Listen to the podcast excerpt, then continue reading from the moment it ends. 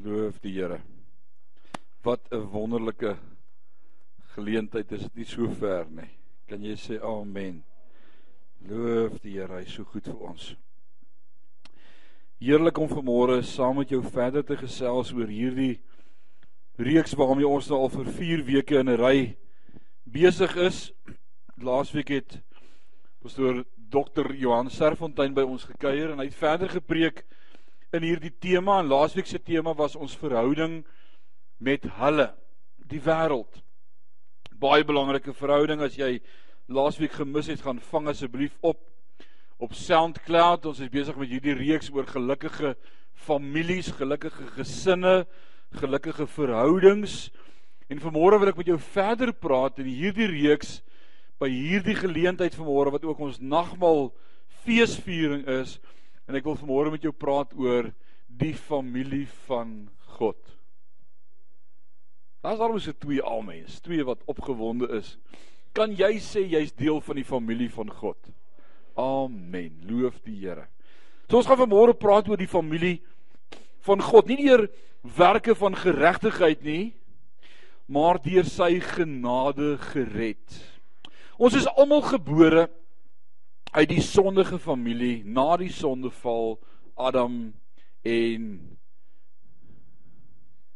manin Eva, ja. En dis die gevolg daarvan dat ons in ons lewe ook die woord van die Here sê ons is in sonde gebore en ontvang en dit ontbreek ons aan sy heerlikheid. Jy het 'n sondige natuur waarmee jy struikel van die dag van jou geboorte af. Wie kan sê amen? Daar's te veel amens nog. Ek hoop jy het al uit hom uitgekom. Jy hoef nie vir 'n baba te leer om leuns te vertel nie. Dit kom van self.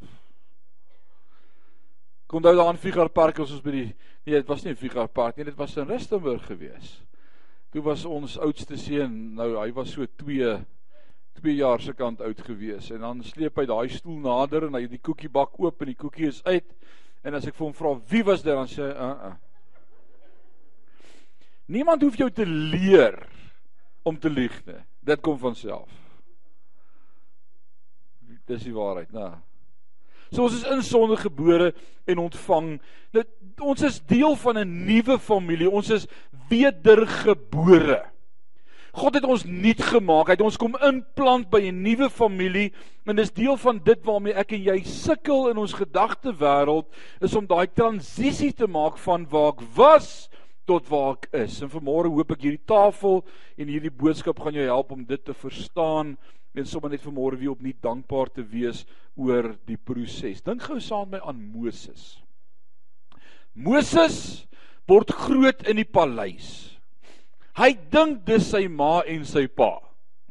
Die koning en die koning se vrou. Maar dan vind hy op 'n dag uit, ek het 'n ander ma en 'n pa. Ek het 'n beter familie. Ek is nie meer deel van Farao se paleis nie. Ek en jy het vir te lank gedink ons was deel van die wêreldse stelsel en deel van die wêreld. En toe vind ons uit, haai, daar's 'n nuwe familie, 'n beter familie. En God is ons Vader en hy het ons lief met 'n ewige liefde. Is dit nie wonderlik nie my? Loof die Here. Hebreërs 11 en ook vanaand se teks gaan ons sien gaan oor hoe Moses 'n keuse moes maak, sy eie besluit en sê ek is nie meer die seun van Farao se vrou nie. Ek het 'n ander ma. Ek en jy daardie keuse gemaak in ons lewe. Hy moes homself gekondisioneer het. En so moet ek en jy ook al het ons in die kerk groot geword En in my eie lewe vir omtrent 20 jaar het ek ewe skielik eendag ontdek ek is nie deel van die familie van die wêreld nie. Maar ek is deel van 'n nuwe familie. Vir party sukkel ons om daardie oorgang te maak. Veral vir tieners, ons sukkel met groepsdruk, ons sukkel met verhoudings, verkeerde verhoudings. Ons probeer dink ons moet nice wees met almal en almal is nice met ons en dan bring dit ons in die moeilikheid baie keer totdat ek uitvind ek het ek is deel van 'n goddelike geestelike familie 'n beter familie met beter voordele. So kom ons lees 'n paar skrifgedeeltes vanmôre. Efesiërs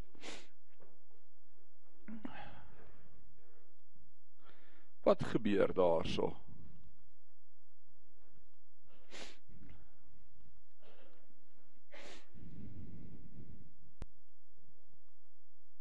Efesiërs 2 vers 19 sê vir ons so is julle dan nie meer vreemdelinge en bywoners nie maar medeburgers van die heiliges en huisgenote van God. Ons is nie meer vreemdelinge en bywoners nie. Beteken ons is nie meer sondaars nie. Ons is nie meer heidene nie, maar ons het deel geword van die familie van God, die huisgenote van God. Jy's nou deel van 'n nuwe familie. Sê saam met my nuwe familie. En in hierdie nuwe familie gaan ons vanmôre ons identiteit vind. Want dis deel van die struggle van die wêreld is om jou identiteit te vind en te weet wie is ek. Ek luister vanmôre vroeg op radio op pad kerk toe op RSG was daar 'n onderhoud gewees met 'n dame wat as jong kind aangeneem is. En hulle vra vir wat jy reeds van jongs af geweet jy is aangenome en sy het gesê ja, ek kon verlang in my lewe met daardie proses deel om uit te vind wie ek is sonder identiteit met 'n ma en 'n pa wat nie regtig my ma en pa is nie en iewers 'n ma en pa wat my nie wou gehad het nie. En dis daardie struggle. Maar ek dank God dat ek jou vanmôre gaan wys in Christus vind jy jou identiteit. Want hy is jou ewige Vader en jou hemelse Vader, jou Abba Vader. Efesiërs 4 Lelies, wat gebeur daar? Stel hom vir my sodat ek homself kan doen asseblief. Dink gaan gou uit en dan druk jy net weer F5.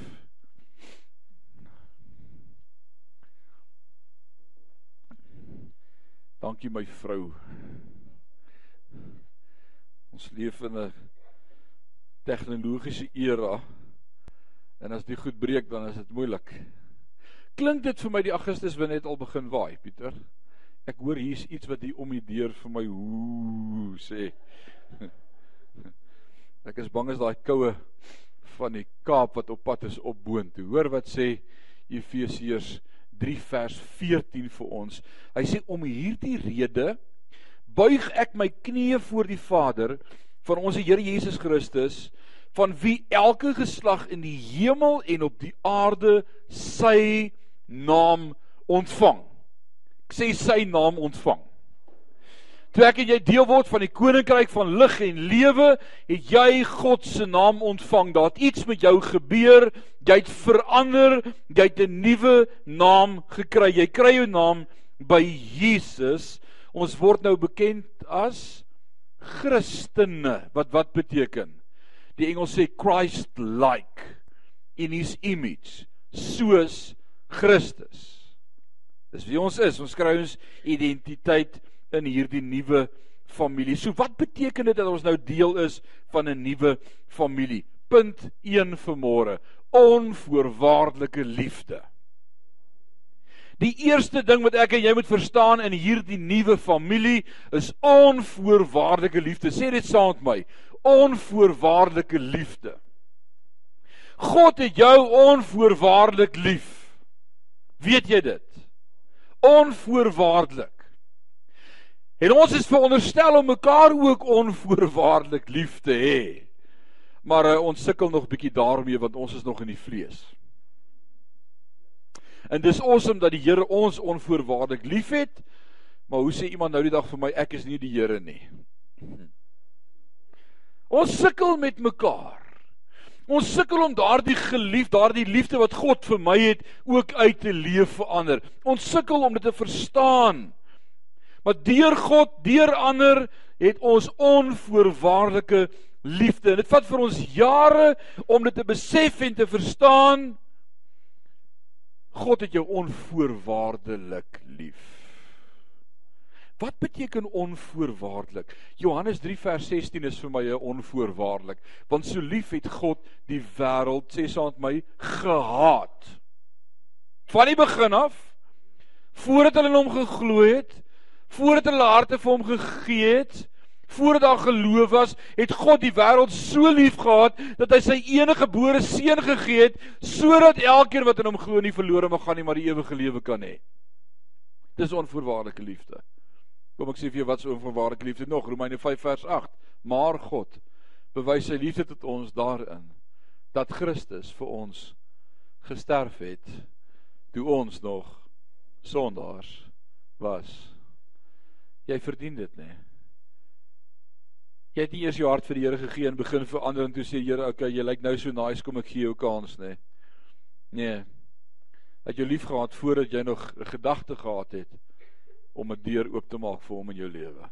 Dis onvoorwaardelike liefde. God het nie gewag en eers gekyk of ons gaan regkom en verander nie. Nee, dis voorwaardelik. Romeine 8 vers 38 sê, want ek is verseker dat niks ons sal skei van die liefde van God nie. Daai niks is geen dood of lewe of engele of owerhede of magte of teenwoordige of toekomstige dinge of hoogte of diepte of enige ander skepsel ons kan skei van die liefde van Christus nie. Sê gou saad my niks. Wat beteken die woord niks? Ek het 'n bietjie gaan opsoek in die oorspronklike teks. Ek gaan kyk wat beteken hierdie woord niks en daar was net so 'n lang lys van exclusions. Nee, wat beteken niks? Nie geen een nie, niks. Daar is niks. So hoekom sê die duiwel so baie vir my en vir jou ons is geskei van die liefde van Christus? O, jy het nou weer dit gedoen. O, jy het nou weer gesondig. O, jy het nou weer jou meer verloor. O, jy het nou weer geskinder, jy het nou weer iets gesê wat jy nie moes nie. Nee, die duiwel is hier aanklaar.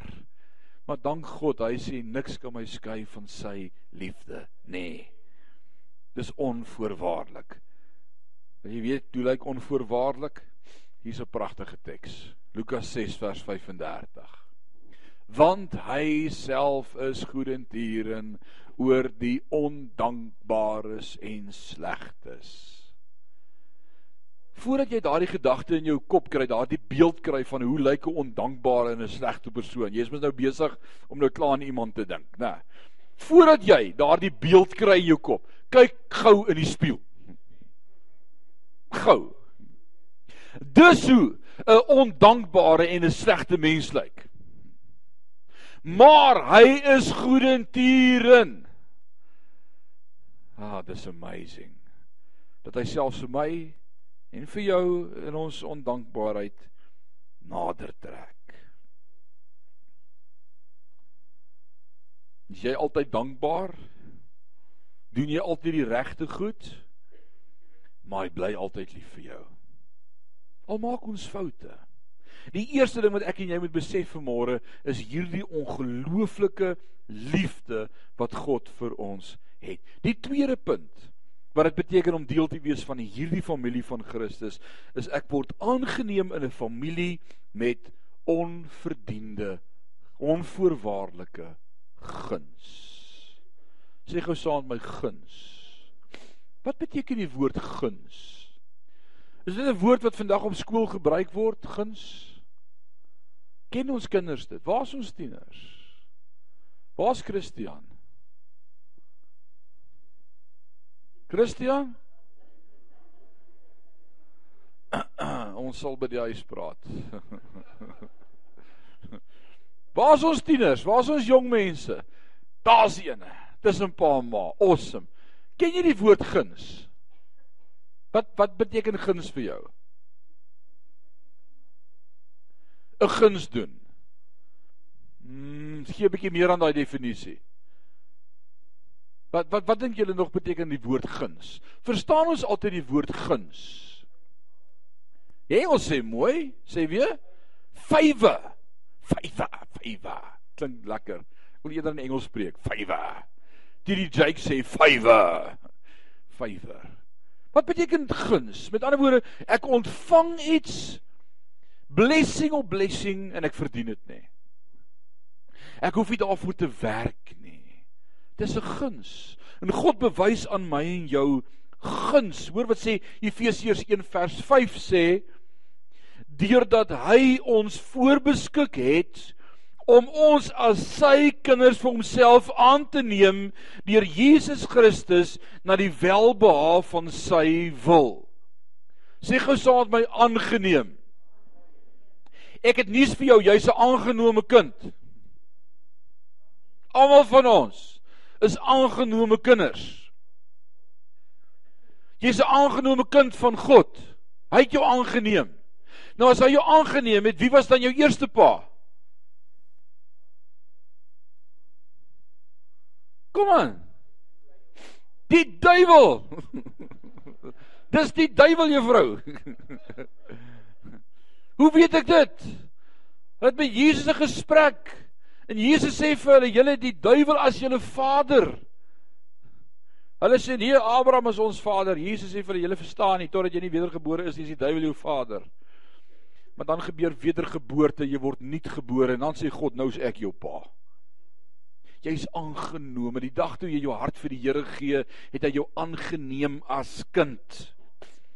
Galasiërs 4 vers 6 sê vir ons en omdat julle kinders is, het God die gees van sy seun in julle harte uitgestuur en hy roep Abba Vader. Sê saam met my Abba Vader. Daarom is jy nie meer dienskneg nie, maar kind. En as jy kind is, dan ook erfgenaam van God deur Christus. Jy's nou kind van God, aangenome en jy's nie meer 'n dienskneg nie, jy word 'n kind van God. 2 Korintiërs 6 vers 18 sê vir ons en ek sal vir julle 'n vader wees en julle sal vir my seuns en dogters wees, spreek die Here die Almagtige. Besef jy dat jy 'n seun en 'n dogter is van die koning? Besef jy wat dit beteken om 'n seun en 'n dogter van die koning te wees? Ons praat van in hierdie nuwe familie moet ek my identiteit vind. En almal van ons sukkel met ons identiteit. Baie van ons loop rond met 'n 'n lae of 'n slegte selfbeeld. Dis hoe ons deesdae daaroor praat. 'n lae selfbeeld, lae selfwaarde. Dit wat ek vir myself dink. En ek wil vanmôre die stelling maak, jy kan net van jouself dink wat God van jou dink. Nou is al min amens, baie fronse. Ek sê jy kan net van jouself dink wat God van jou dink. En die probleem is ons is nie in die woord om te weet wat sê God van ons nie. Maar God sê groter is hy wat in jou is as jy wat in die wêreld is.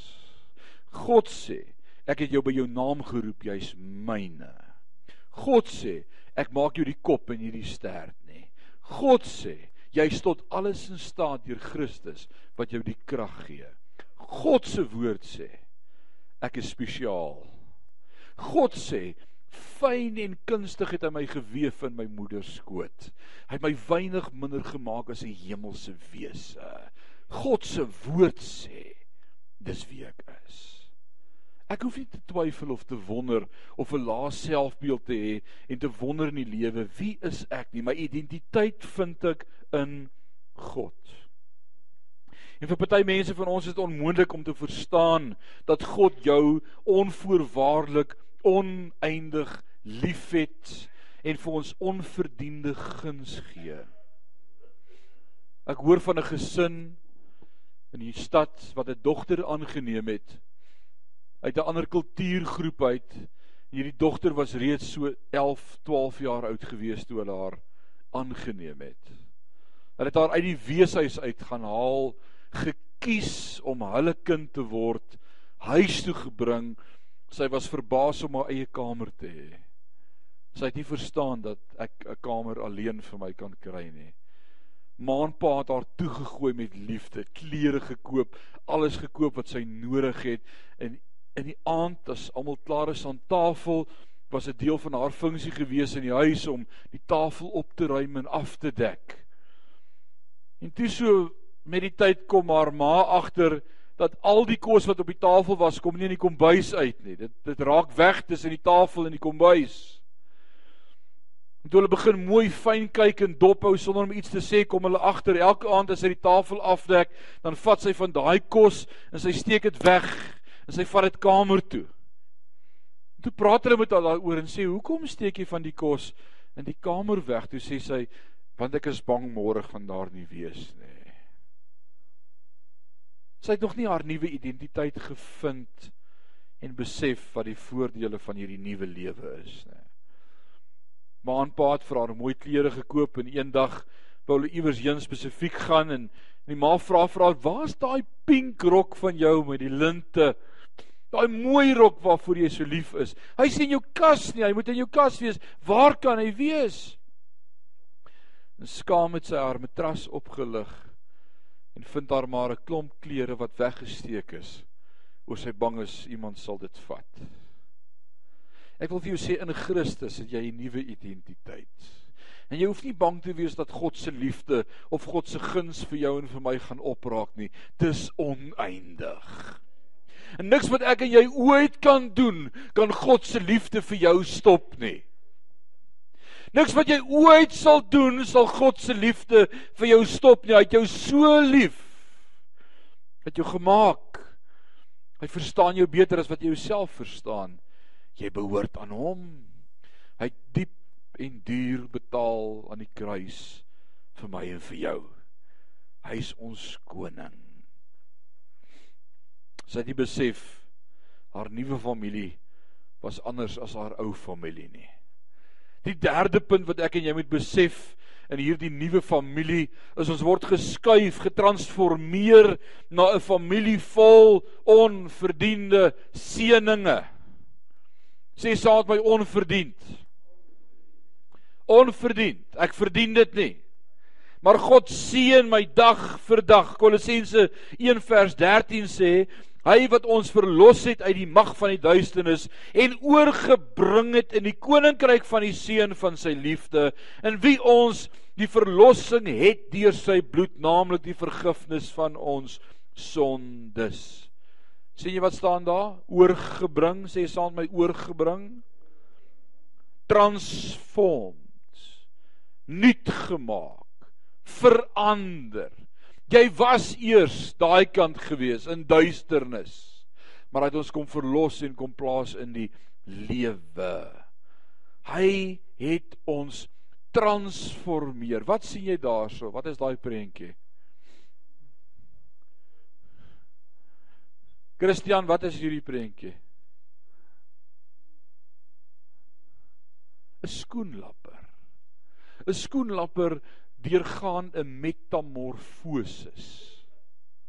Daai metamorfose. Hy begin as 'n eier. Dan broei die eier uit, dan word dit 'n wurm. Stadig, eers wurm. Die wurm moet blare vreet. Baie blare vreet. Pa en ma moet baie moer by blare huis toe bring. Onthou julle toe julle kinders met die goed by die huis aangekom het? Dan die toekste kan daar kop, nou, terrible. Dan moet jy blare bring. Die kinders voer nie die goed nie, dan moet jy hulle voer en hulle lewens red. Dan word daai goed uiteindelik papies. En hulle spin hulle toe in 'n kokon. Dank die Here daarvoor. Dan kan jy ophou om blare te pluk. En dan wag hulle met antisisipasie dat daai mot kan uitkom. Ek gaan dan begin ons net weer by die eiers. ons was in daai proses gewees, moet ek vanmôre bely, mag ek bely, dis onder die bloed, so jy mag jy uitpraat hê.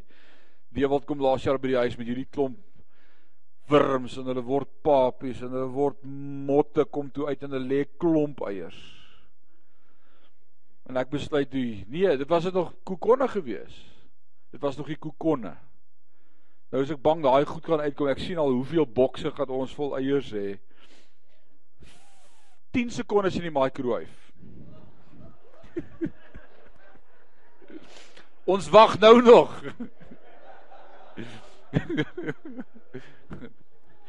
Jy's vinnig om my te oordeel, né? Nee, is reg. Dis reg. Iewers moet ons die proses stop. Nee, oordeel maar. Dis goed. Onthou in Genesis 1. Die eerste ding wat God doen met Adam en Eva is hy het hulle geseën. Die eerste ding wat God doen met Adam en Eva in die tuin is God seën hulle. En dan sien ons die sonde val en dan kom God by Adam en Eva en ek dink dit is belangrik om dit te onthou, hou jou teologie reg. God het nooit vir Adam en Eva vervloek nie. Die loon van die sonde het die vloek gebring. Al wat God gedoen het, is hy het aangekondig vir hulle en gesê, "Oké, okay, kom ek vertel jou wat se gevolg van jou dade nou. Dis nou wat julle nou het." met die sweet van jou aangesig gaan jy hard moet werk. Jy gaan pyn hê om kinders te kry en hierdie aarde is vervloek. In dorings en distels sal hy oplewer. Dis die gevolg. En dan kom God by Abraham. En dan sê hy Abraham, ek wil 'n nuwe familie begin. Maar ek wil jou bless. In jou wil ek die nasies van die aarde bless. Los jou familie en trek na die land wat ek jou sal wys sodat ek jou kan seën. Wie was al in Israel gewees? Ouens, dis 'n geseënde plek. Tussen daai klippe in daai woestyn groei die plante groen. Julle weet waarvan ek. As jy 'n klip geseën het, is 'n klip geseën. Jy kan 'n milie onder hom plant, hy gaan opkom. En ek wil vir jou sê ons moet klaar kry met die idee dat ek en jy nog onder die vloek is, want ons is getransformeer na 'n nuwe familie onder die seën van die Here. Die eerste keer in die Nuwe Testament wat Jesus sy mond oopmaak en begin praat, die bergpredikasie Matteus 5, wat sê hy? Geseën, welgeluksalig. Oh so happy, blessed is he. God kom en hy kondig die blessings aan van die Here. As jy getransformeer word na 'n nuwe familie toe in Christus.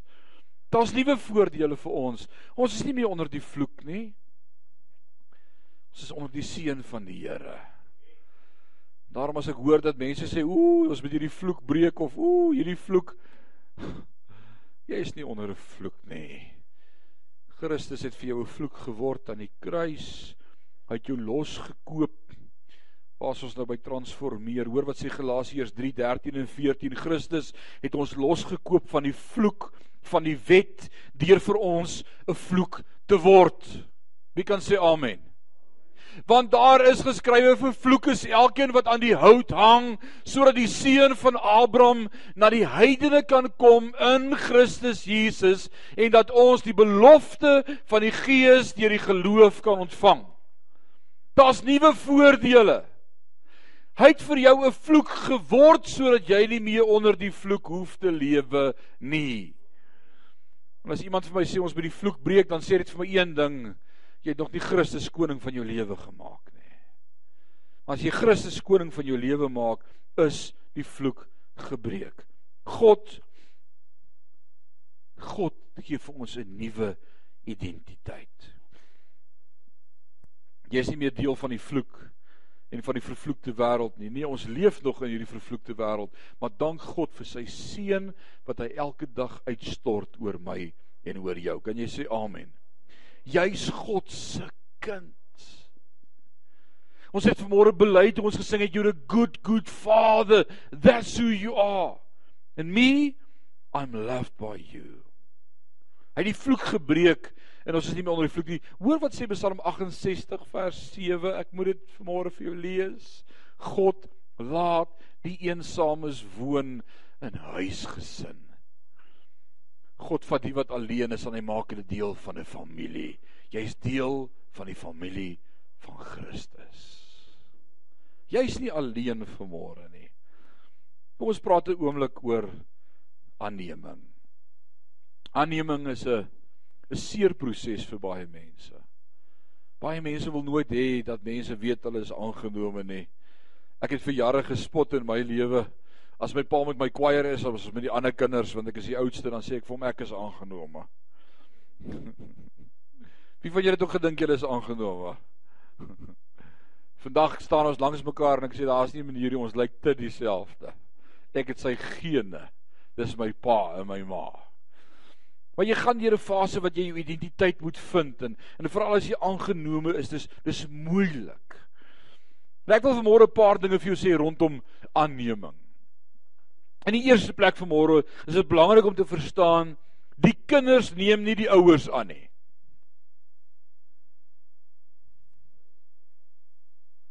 Nee, jy kry jou skoonouers, dis 'n ander storie. Jy sal met hulle sit. Die kinders neem nie die ouers aan nie. Die ouers kom kies 'n kind en hy sê daai een, ek soek hom. Jy's gekies deur God voordat jy God kon kies. Voordat jy jou hart kon oopmaak en selfs geloof kon hê, het God jou gekies. Jy's syne. Hy het afgekom en gesê ek soek vir Leon de Waal. Ek soek jou. Ek soek jou. Jy's my kind.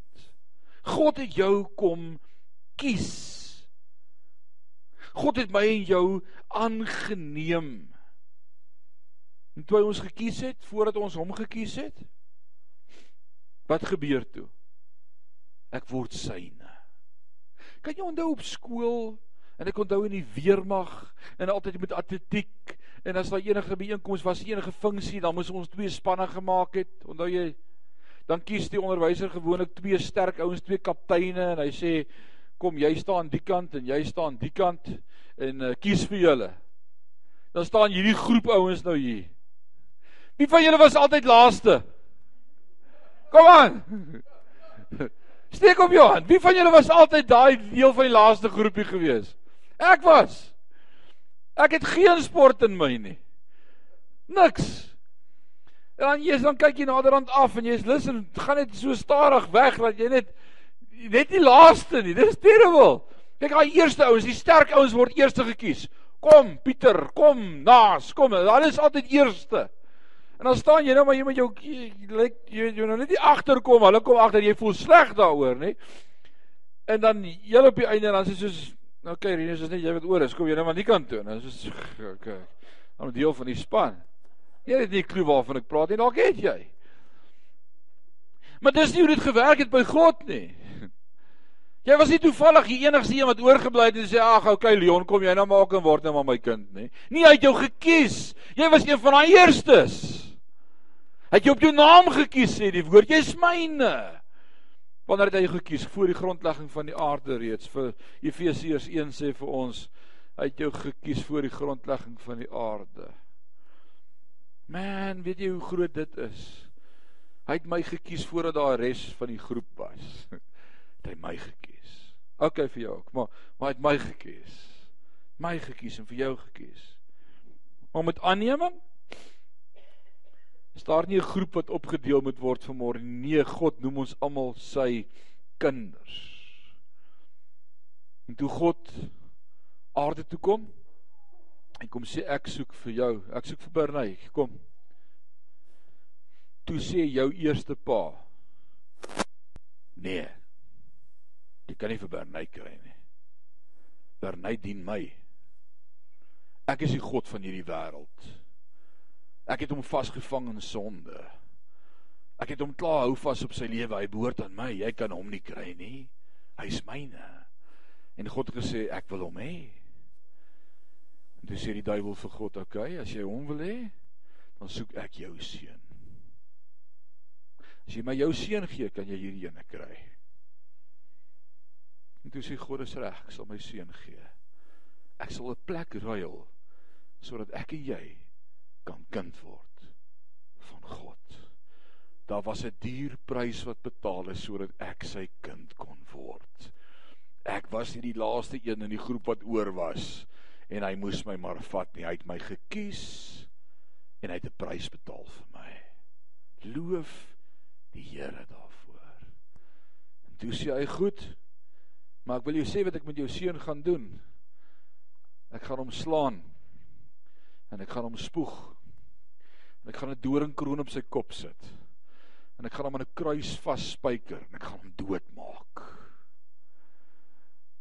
En dit was die prys wat Jesus vir my en vir jou kom betaal het sodat ek kind van God kan wees.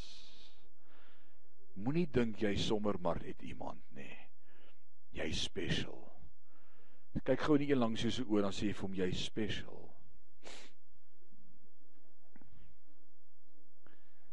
Kan iemand dit vir my sê? okay, dankie. Jy's special. Jy's special. Jy's spesiaal. God het jou op jou naam geroep, jy syne.